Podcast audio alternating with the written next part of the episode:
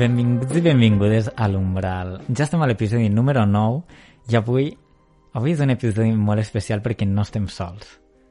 Exactament, avui és el primer dia de la història d'Umbral que tenim una convidada molt especial que ens vindrà a parlar sobre l'horòscop perquè n'és tota una mestra. Benvinguda, Flors. Hola, gràcies per agafar-me.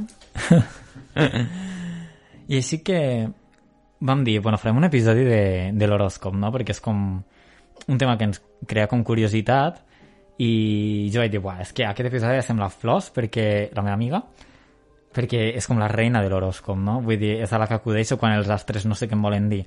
Llavors, a tu quan et va sorgir aquest interès per l'horòscop i l'astrologia? Pues, um, jo me'n recordo que quan era petita la meva tieta sempre comprava el Quore, la revista um, de les celebrities, i al final sempre hi havia el, el horóscopo de, semanal i sempre hi havia en plan, pues, eh, l'Ariana Grande és càncer, no sé qui és càncer, perquè jo soc càncer. I sempre ho mirava i sempre m'enfadava perquè eh, la gent que estava reproduïda allà en plan, no m'agradava gens i no m'identificava.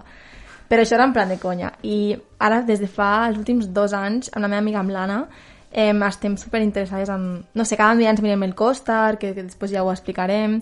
O sigui, jo crec que han sigut els últims dos anys que m'ha interessat més pues ara que dius això, jo també estava, vaig estar una època viciat al, a l'horòscop del Cuore, i no sé si ho vaig descobrir així, però ma germana les comprava, i, i sí que ho recordo, de que Géminis, Acuario, eres así porque mira cómo se ha vestido.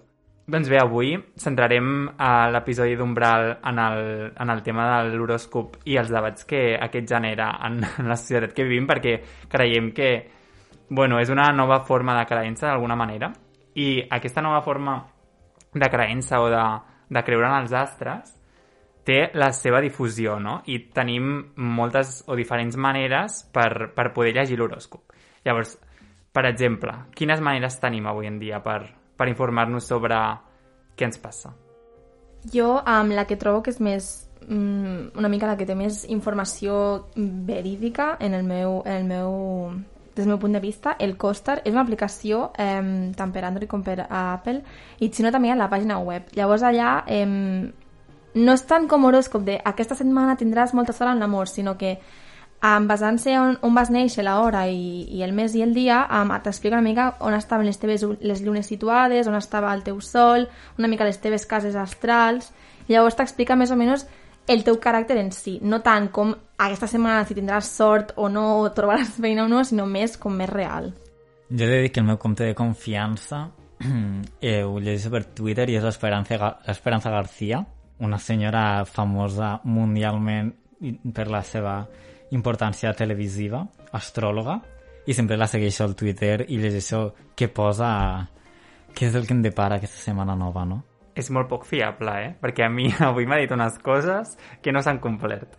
Però bueno... Perquè, a veure, jo... quins, simbol... quins signes sou vosaltres? Vale, jo, el, o sigui, el meu sol és càncer. El meu també, cranc. Jo? Bueno, però te, també hi ha com més, no? O sigui que hi ha com... A veure, hi ha el sol, després hi ha la lluna, hi ha ascendente... O sigui, a la, a la teva carta astral, en plan, hi ha diferents, diferents signes, no? Llavors, en plan, tens l'ascendent, el Venus, el Mars, la lluna, en plan... Són tots els planetes, no? Sí. Com estaven col·locats i tots, bueno, els astres en el moment que tu vas néixer. Sí. Però, segons l'astrologia, i segons tinc entès, els més importants, o sigui, els que t'influeixen més serien el Sol, no? que és el que tothom recorda. Mm. Per exemple, si tu ets Tauro o Aries, pues Tauro. Eh, després, el signe lunar, que és el que t'influeix més en els teus sentiments mm. i amb el teu, potser, món interior. Sí.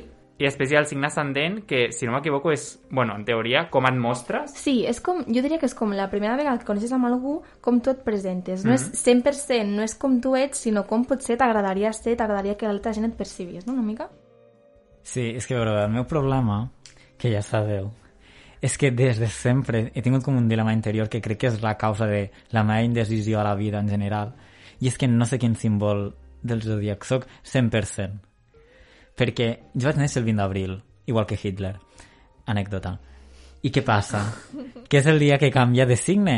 Llavors és el dia que passa d'Àries a Tauro. Llavors quan agafo la Bravo em diu que sóc Tauro. Quan agafo el diari Ara em diu que sóc Àries. Llavors, depenent del lloc on ho llegeixi, em diu que sóc una cosa o una altra. I quan no posen el dia específic, no sé en quin aferrar-me. I preparant l'episodi fa uns dies, eh, el Pau em va dir però t'hauries de fer la carta astral o natal o no sé què, perquè així sabries exactament el que és. I bueno, doncs vam estar buscant a internet. No sé si us ho heu fet vosaltres. Jo no l'he fet, la sí. carta astral. O sigui, jo l'he fet per internet, però en teoria tu, tu ha de fer un, un astròleg, no? La tarotista. Sí, una persona que en sàpiga, però per internet et, du, et diu pues, la combinació, suposo, que toca segons... Però no és totalment personalitzat. És en el No. moment, l'hora que neix... Pues, o sigui, tu quan en teoria et fan la carta astral, crec, pues, és l'hora que neixes, no? El lloc... Eh, sí, a l'hora, el Sí, en lloc, no? el dia, l'any, el mes i l'hora és important. Exacte. Per determinar també la lluna i el, el Saturn i l'ascendent i tot això. Llavors, pues, et fa com el diagrama aquest amb tots els astres i, i a tu què et va sortir? La qüestió és que jo vaig provar a tres webs diferents. Al Costar, a una que era superfiable perquè tenia un fondo negre amb galàxies, i tothom sap que l'astrologia té fondos de galàxies al fons. I després a una altra, que no sé, no me'n recordo quina era, però la qüestió és que a totes em va sortir que sóc àries. Però el problema és que he viscut enganyat perquè és que estic rodejat de gent que asseguren que sóc Tauro. És Jo no crec que siguis Àries. Jo tampoc ho crec perquè la personalitat d'Àries no quadra amb la teva i quadra molt la Tauro, precisament que per unes hores, no? segons si haguessis nascut una mica més tard, series Tauro, que, bueno, i a mi la teva personalitat em quadra més amb Tauro per, no sé, Per com ets, Àries Sí. és com un... sim- O sigui, no ofens als Àries, però en plan és, molt, és bastant manipulador. El Gerard és, el Gerard és molt chill, o sigui... Bueno, tu- Àries és com més explosiu, no? Sí, molt explosiu. El Gerard és molt tranquil. No sé, no m'identifico res amb... Tauro, amb sí. Bueno, Tauro jo ho associo més com a una persona que li agrada molt estar a casa chill, Sí. molt segura, Sí. amb algunes coses, que ella, molt tossuda, que li costa molt canviar d'opinió, Li, co- al Gerard li costa. i no sé. Ari, és que amb Àries no et veig. No, Àries Però bueno, ja que has tret el tema dels diaris, jo sovint vaig amb bus a la Universitat de Barcelona i donen La Vanguardia. Llavors, quina secció del diari és la més important? Doncs pues hi ha la secció de política internacional i després hi ha l'horòscop. I l'horòscop de La Vanguardia, que el tenim aquí, el d'avui, dia 25 de gener, Sant Pau, eh, anem, anem a llegir l'horòscop de La Vanguardia. A veure, per cranc, que la Flors i jo som cranc, diu, aprofiteu per abordar algunes dificultats, ja que podeu encaminar encaminar-les cap a una direcció positiva i els acords seran propicis. Què en penses? La meva dificultat ara és que acabo la carrera en tres mesos i no tinc ni idea de què fer amb la meva vida. O sigui que podria ser. I després tenim el Taure, facilitats per agilitzar operacions i contactes en l'àmbit professional. Mostreu-vos receptius a entaular negociacions. I hem de dir que és real, sentiu el diari, que és paper de diari, eh? A veure, és real. He de dir que últimament m'estan sorgint coses del business, però eh, si algú té unes pràctiques per algú de comunicació audiovisual, me les podeu oferir, perquè és que només me diuen que no. El número Però- és 674... No, però arroba Gerard Sigi o el mateix un compte d'umbral, si em voleu ajudar. I tu què, què en penses de la, del que ha dit de tu de, de càncer? De, ca, de cranc? Jo penso que no, no té res a veure amb el dia que he tingut, que no ha sigut precisament òptim. Parlant d'altres fons d'on trobar l'horòscop, tenim el de la Samantha Hudson, que per cert, si no seguiu el seu podcast amb el Jordi Cruz, Sí, amb el Jordi Cruz des de Netflix. seguiu-lo, és el nostre referent. Com si, com si nosaltres els anéssim a donar audiència, plan, Podéis seguir a este pequeño podcast que están haciendo Netflix. Eh, Twitter. Twitter és una bona font. Jo segueixo, si, si esteu interessades, amb Astropoets, perquè a part ho fa d'una manera, bueno, molt poètica, evidentment. Però jo crec que és reliable. Llavors, cada, cada setmana et, et diu una mica... No és el típic de l'horòscop de esta setmana tindràs suerte, sinó que t'explica una mica, pues, mm, una mica pues, la, com la teva personalitat es va afectar amb l'inici de la setmana. Ara ens volem endinsar una mica en els debats que genera eh, contemporàniament o actualment l'horòscop, perquè és un tema que bueno, creiem que ha ressorgit eh, segurament en els últims temps i que potser abans no era tan popular. Pel que hem trobat, eh, l'horòscop es va començar a popularitzar perquè va començar a sortir als diaris a Estats Units amb una columna setmanal, que al principi va, era una columna anecdò- anecdòtica en el qual posaven quin horòscop una mica com lo de la Cuore, quin horòscop eren les celebrities. I a partir d'aquí, crec que a partir dels anys 30 es va començar a fer setmanal als diaris i la gent va començar a potser conèixer i identificar-se amb el seu signe solar. llavors, què ha passat? Que la, és això, la majoria de, de persones que avui en dia segueixen l'horòscop s'identifiquen molt primàriament amb el signe solar, que és el que tothom coneix, i els altres estan més de banda. I, i res, fins aquí la breu història de l'horòscop que podeu trobar a la Wikipedia. Una font 100% fiable. Perquè últimament sembla que aquest tema de l'horòs- de l'horòscop um, o sigui, és molt popular, està com molt... O sigui, sobretot si esteu al Twitter i és com la broma del 2020, és en plan... Ah, vale, porque, porque eres cáncer, porque eres Géminis. O sigui, és com... S'han fet com inclús tan mainstream que és com un meme i per això persones com la Samantha Hudson estan fent un horòscop també. Ja que has dit això, la Charcology, si plau, jo crec que es mereix un premi, que és aquesta senyora que fa com ¿qué supermercado eres según el horóscopo? o qué cantante de, de rap, no sé què. I crec que és boníssim, o sigui, seguiu-la. Jo sobre el perquè de l'ascens, o sigui, una mica més deep dels memes i tot això, jo penso que també, o sigui, jo personalment i amb el meu cercle, és com que veig que la gent que som que no creiem en, en, en Déu, en la religió, en, o sigui, en cap tipus de religió, eh, és com que sempre busquem una manera de, de sentir-nos com una mica de buscar com la resposta a segons quines coses. I per què em passa això? Com que no m'ho pot explicar Déu, o, bueno, Déu, en el cas de la religió cristiana, m'ho pot explicar l'horòscop, saps? El zodiac, perdona. Perquè jo també penso, per exemple, personalment, crec que el zodiac i l'horòscop, o sigui, la diferenciació és molt important perquè jo no crec amb l'horòscop de aquesta setmana tindràs sort amb l'amor, sinó que amb el zodiac, o sigui, com les estrelles, el dia que jo vaig néixer i ara a mesura que es van movent i tal, com fan que jo pugui tenir aquest tipus de caràcter o un altre. Jo crec que és molt diferent, perquè l'horòscop és més mm, echando la suerte una mica.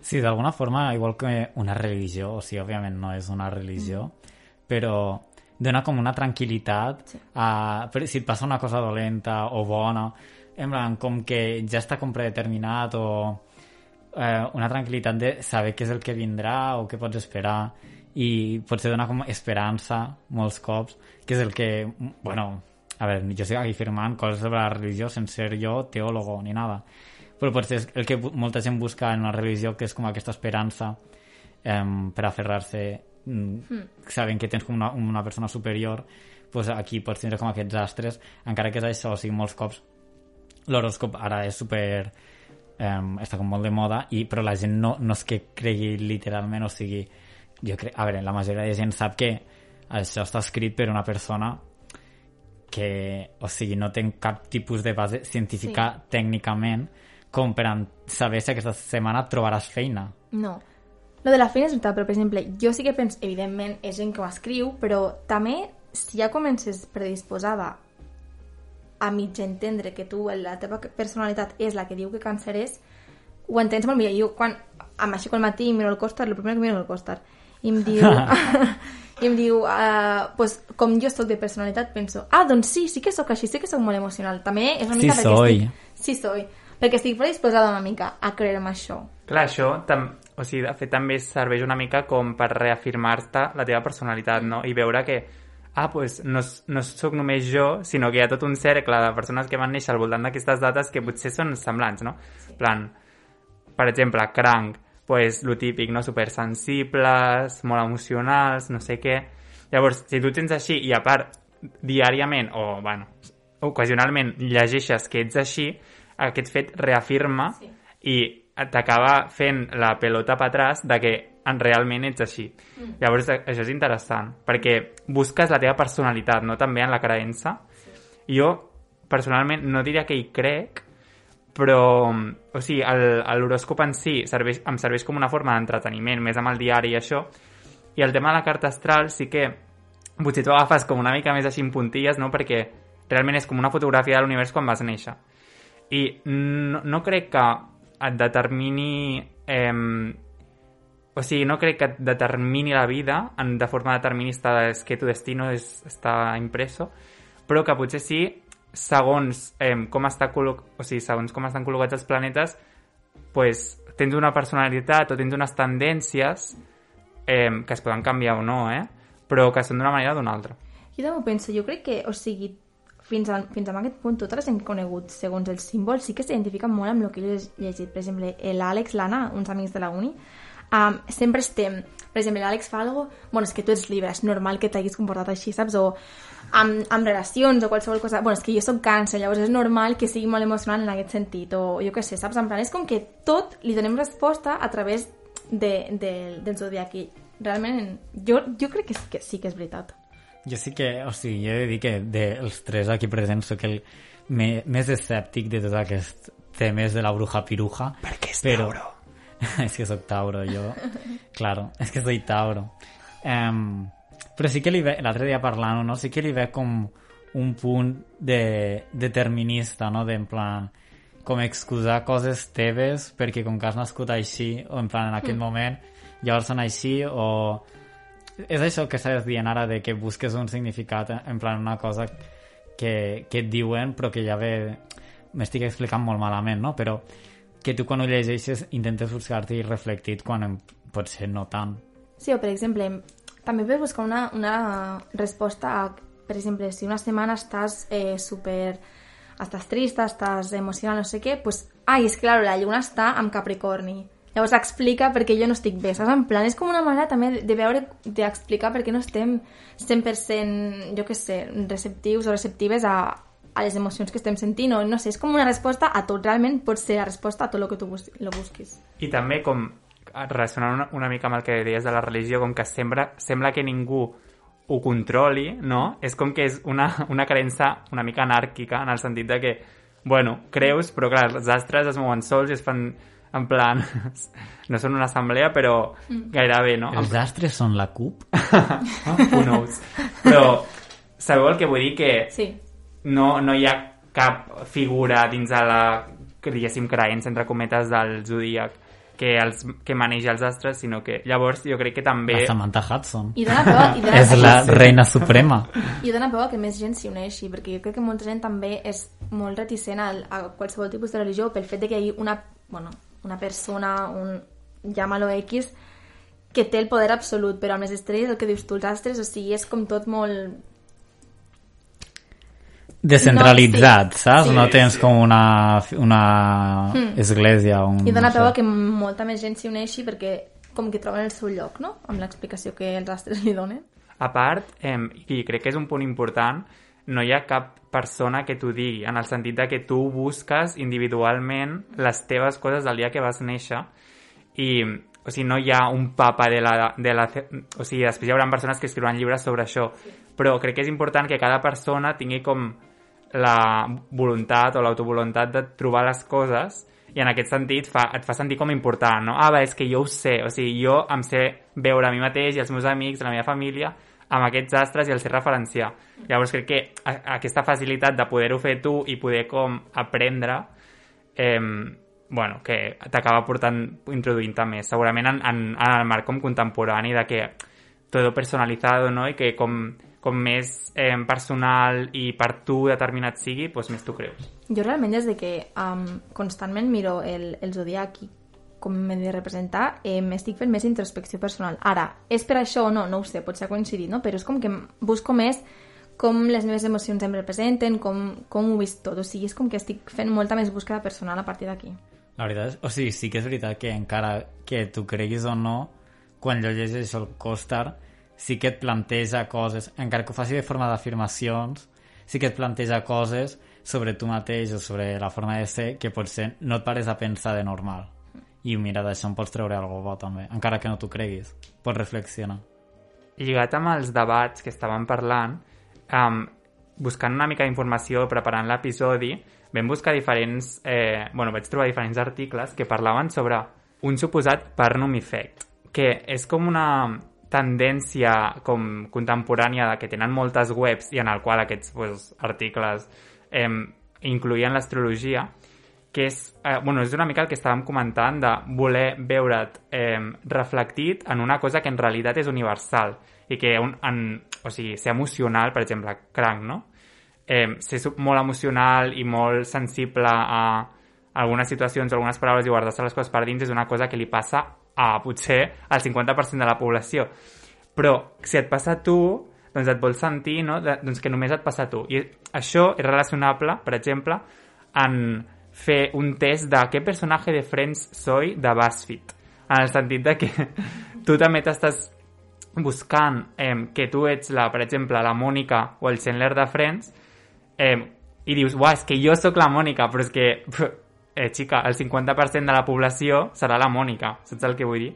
Llavors, aquesta com tendència de buscar i referenciar fets que tu creus propis, però que en realitat pues, són universals, és el que bueno, això que s'anomena Barnum Effect i que m'ha fet reflexionar perquè sí que hi ha moltes, bueno, moltes dinàmiques d'aquestes de fer tests, consultes, no sé què, que en realitat estan destinades a això. També és el que comentava abans, que és una mica com és tu estiguis predisposada, perquè conec amb una noia que és càncer com jo, i ell llegeix eh, que és emocional, no sé què, no sé quantos, i diu, és que zero, soc, soc zero com això, llavors és, també depèn de com tu t'ho prenguis i com ho agafis.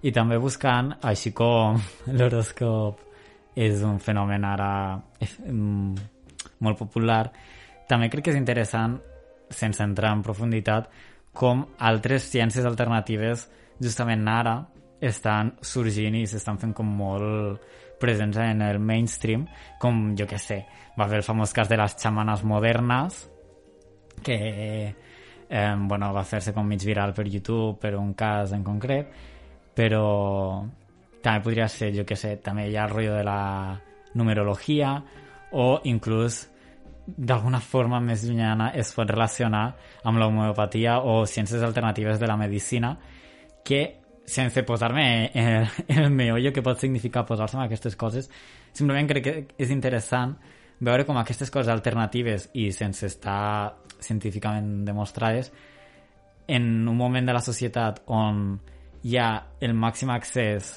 a, a la informació de, de la història de la humanitat és quan també hi ha totes aquestes coses alternatives, no? O sigui, quan no, no s'hauria de discutir si la Terra és plana o és eh, rodona, bueno, esfèrica o com es digui, eh, ara hi ha eh, aquesta, la creença del terraplanisme. O sigui, el terraplanisme em pot ser, o sigui, és graciós, però vull dir que això pot mm, traslladar-se pues, a l'homeopatia i que hi hagi gent que no cregui en la quimioteràpia i cregui que hi ha una altra forma de curar el càncer, saps? I em sembla que en un moment com l'actual no, no s'haurien de poder plantejar aquestes coses el, mm, pues no sé, es como una eh, no es una pregunta, es una reflexión lo que he venido a hacer. Eh, perdó. Però sí que em, em, em crida bastant l'atenció no? que quan sembla que algunes coses no es podrien discutir ja, eh, sí que es puguin... Bueno, suposo que és, la, és el que té tant accés a la informació d'internet. No sé si teniu... estrelles i te la foten a la cara. Per més informació, aneu al capítol de Sabrina. Sí, de fet això enllaça amb el segon episodi de Sabrina de les teories de la conspiració. Doncs bé, ara per anar encaminant al final de l'episodi hem preparat una sèrie de facts sobre els signes del zodíac que ens han semblat molt graciosos i curiosos i en els quals volem compartir i debatre molt breument. Fact número 1. Els dos signes eh, del zodíac que governen Estats Units són Escorpio i Piscis, amb algun que altre Géminis. Això bàsicament significa que la majoria de presidents dels Estats Units han, han estat d'aquests dos signes. I realment ho hem estat comprovant i és veritat, eh? O sigui, és... hauríem de mirar els presidents espanyols per, per veure si, si hi ha correlació o és només American leadership o què. Però, però sí, sí, de, o sigui, la tendència aquesta a voler liderar. Una coincidència? Jo no ho crec. No, jo penso que també és per el, pel tipus d'ambició que tenen els, els símbols del zodiac. Per exemple, Trump, que és Géminis, i el Biden és Scorpio. Eh, o sigui, els dos símbols es coneixen per ser bastant ambicioses i una mica en plan que pressionen, saps? Per exemple, a Espanya eh, vaig llegir que el Sánchez és Piscis, que és una mica en plan estrany, perquè Piscis també és molt emocional, no sé si... Bueno, potser ell és molt sensible a Sí, molt casa sensible, seva. I, per exemple, la Alexandra Ocasio és Libra, que abans ho comentàvem amb el Pau, que és justament com la representació de la balança. Sí, i és com la persona, bueno, de, de, en plan polítiques així als Estats Units que està més a la, a la més esquerrana. Sí, més a la busca de la justícia social. El segon fact és els crancs són els més perillosos. Una anàlisi de, de l'FBI demostra que els crancs són els més arrastrats. Els, els, joder, Exacte, els que s'arrastren més. els més arrastrats. Això és cert, això és Els cert. més, els que, els que arrest, arresten... Com es diu això? Els que arras... Ar... Joder, com es diu? Els que els Arresten. detenen més. Els que els detenen més. Jo estic en contra. Jo estic en contra. Com a cranc, Perdona, a mi no m'han detingut mai, però jo sóc super tova. Jo crec que no... Tu se t'acosten. jo crec que és per això, no? En plan, els hi diuen, sisplau, no vull lluitar. Sisplau, no, no, no, sisplau, no, no m'agafi, ja jo vinc jo, saps? En plan... No, jo crec que, els, bueno, els càncers que jo conec i jo mateixa, mm, 100% són bastant tous, toves. El tercer fact és que els sagitaris són dues vegades més propensos a fer-se famosos. Això és fals perquè jo vull ser famós. I sóc Aries, Taurus... Aries, Aries Tauro. I això es va descobrir perquè una investigació de la Cartoon Network, la font més fiable de, de la indústria de l'audiovisual, eh, va demostrar això, que les persones eh, sagitari estaven molt més presents en, en posicions de, eh, de celebrity que no pas els altres. Eh, o sigui, realment això suposo que es pot com comprovar per eh, probabilitat, però no demostra res. No sé, bueno, haurem de veure Cartoon Network i veure, a veure quins shows tenen i qui tenen més sagitari. El quart o cinquè fact, ja no sé per quin passem, és que els àries constitueixen el major nombre de multimilionaris. Um, això ho va demostrar la revista Forbes, bueno, demostrar o no sé. Va fer una mitjana amb, els, amb les persones que els hi va semblar, suposo.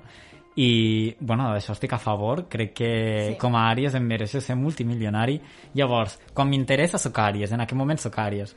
Quan no m'interessi, llavors sóc Tauro. Això sempre, al Gerard sempre li passo, perquè a Twitter una altra conta interessant es diu Sorrow Scopes i és com uh, una conta graciosa eh, de, del Zodiac, però en comptes de pues, fer els típics memes, és com que et deprimeix, ¿vale? Llavors al Gerard sempre li passo, li dic avui ets Àries, avui ets Taurus, depenent de lo que li fica.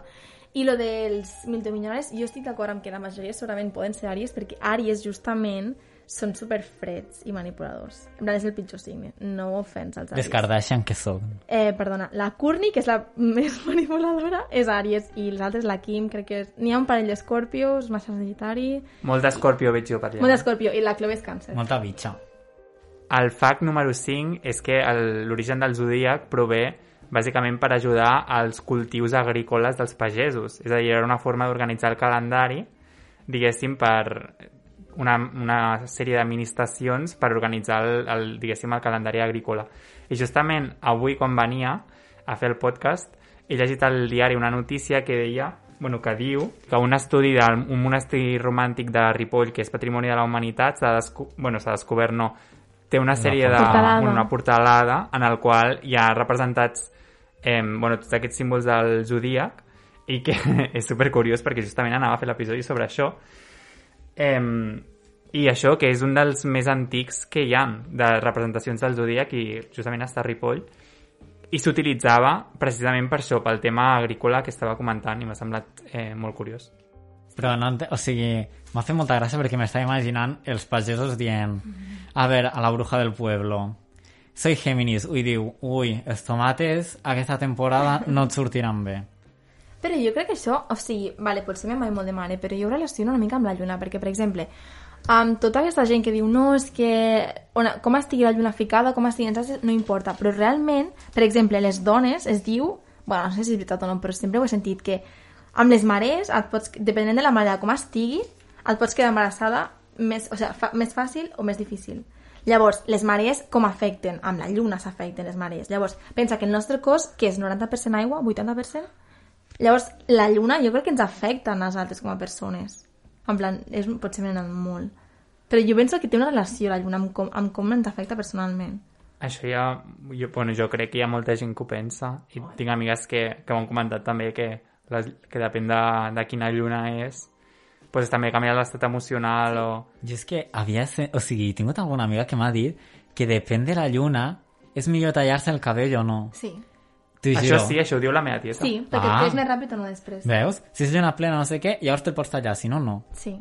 És que jo, jo penso que hi ha una relació amb lo de, sobretot amb les dones embarassades i les marees, la lluna, tota la relació, és que si ho penses, si la lluna afecta les marees, que és aigua, i nosaltres som 90% aigua, o 80, crec que era 80, no sé, 90. algú científic Com ja... molt, molt, molt percent d'aigua, sí. ens ha d'afectar d'alguna manera, segur. I finalment, els últims dos eh, facts que volem fer referència és que Aquari és el signe menys comú, perquè, bueno, estan tancats a la, a la peixera, i l'aniver- l'aniversari més comú és el setembre, i realment pues, sempre tenia cumples jo el setembre de petit. Vull dir que m'ha fet pensar, no sé vosaltres, però... Al setembre què són? Virgo. Virgo. Jo al revés. El Berni és Virgo. El Berni és Virgo. Jo de Virgos no conec a ningú. Ara potser algun Jo crec que tampoc, jo crec que tenim un amic que del setembre. Jo conec bastant Però gent. jo, d'amics de tota la vida, Potser algun mata. Ara quedaré fatal, jo també no? quedaré fatal, però no Sí, conec a tio. ningú. I Aquari sí, l'Ariana, la Martina, estic dient els noms de les meves amigues, da igual. Um, però conec a gent que és Aquari. I bé, ja ens estem acostant al final d'aquest eh, episodi més espiritual, però abans volem comentar algun programa que ens ha portat la nostra amiga Flors sobre aquest tema. Bueno, eh, específicament del Zodiac no n'he trobat cap, però sí que és veritat que a Netflix hi ha un programa que es diu En poques paraules, que me va ensenyar una amiga meva, i cada com episodi va sobre un tema diferent. Un és sobre els milionaris, un és sobre, jo que sé, la sexualitat. I n'hi havia un que justament era de l'horòscop. A veure, no em deixa molt bé, perquè me'l tira una mica per terra. Però, en plan... Bueno. O sigui, és, és, molt, és molt explicatiu, la veritat. O sigui, em, em va agradar bastant. Jo recomano entrar a TikTok i seguir a brujas i gent espiritual perquè a TikTok, t'ho juro que jo entro a les nits i em trobo gent fent el tarot en directe. I a part d'això també t'expliquen altres coses de l'horòscop i el zodíac i tot això, que com a font d'informació, doncs bueno, A YouTube també, fan el tarot en directe. Hi ha un canal de YouTube que ho fa, és una noia d'Amèrica i et, et tira les cartes. Doncs bé, estem super, super, super agra- agraïts a la Flosa que hagi vingut a, a creuar l'umbral amb nosaltres aquesta setmana. Esperem tenir eh, moltes més convidades al llarg de les, eh, bueno, els propers episodis perquè ens ha agradat i ho hem pogut manejar tècnicament, ja veurem com sona. sí, a veure com surt. Eh, si us ha agradat l'episodi, no dubteu en compartir-lo perquè ens hem encallat a xarxes i necessitem eh, arribar als 100 followers. És que al 2021 necessitem arribar als 100 followers com a mínim. New Però year, new estem podcast. molt agraïts amb totes les persones que, això, que ens envien comentaris o, Sí, o que ho compartiu cada setmana. o que ho compartiu, de veritat. Ja sabeu sigui, qui sou. sabem qui sou. No, però ens fa molta il·lusió i, i seguim-nos, seguim-nos Umbral Podcast. I seguiu a la Flors, també. Sí, us deixarem el seu Insta o el que ens vulgui deixar, ja ho enllaçarem. Feu-nos arribar també la vostra opinió sobre aquests debats, si esteu d'acord, si esteu en contra, si teniu alguna a dir, estem oberts a, a rebre totes les vostres opinions perquè és un tema molt obert. I bé, crec que res més a dir, només que vigileu perquè a partir del 30 de gener fins al 20 de febrer Mercuri està en retrogrado. Què significa això? Mercuri en retrogrado, segons jo tinc entès, vol dir que... Mira, tot és tergivers, o sigui, tot el que pot anar malament pot anar malament. O sigui que ja sabeu, no firmeu contractes que no us heu llegit atentament i vigileu amb les decisions que preneu. I bé, crec que ja podem donar l'episodi per acabat i avui la cançó la triarà la nostra invitada per acabar l'episodi. Com a bona càncer, també trio un altre càncer que es dedica a la música, la Lana del Rei, que segur que la coneixeu, i en una de les seves últimes, eh, els últims singles que ha tret em fa referència al seu, al seu sol, al zodíac, i a la, seu, a la seva lluna. Bueno, jo vull dir que moltes gràcies per tenir-me avui aquí, o sigui, ha sigut un honor ser la primera convidada del podcast i que espero que perseguiu els vostres somnis i que, i que continueu fent. Un besito. Bueno, moltes gràcies i, i bé, fins al proper episodi. Doncs que tingueu una bona setmana i ens veiem en el pròxim episodi. I'm on the run with you, my sweet love. There's nothing wrong. Contemplating God under the chemtrails over the country club. Wearing our jewels in the swimming pool. Me and my sister just playing it cool under the chemtrails over the country club. Take out your turquoise and all of your jewels. Go to the market, the kids' swimming pools. Baby, what's your sign? My moon's in Leo, my Cancer is Sun. You won't play, you know fun.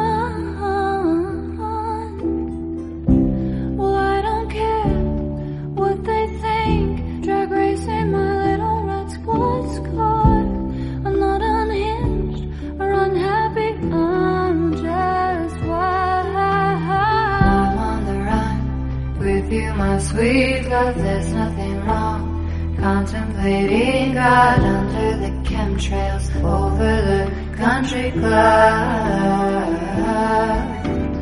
Wearing our shoes in the swimming pool. Me and my sister just playing it cool. Under the chemtrails, over the country club.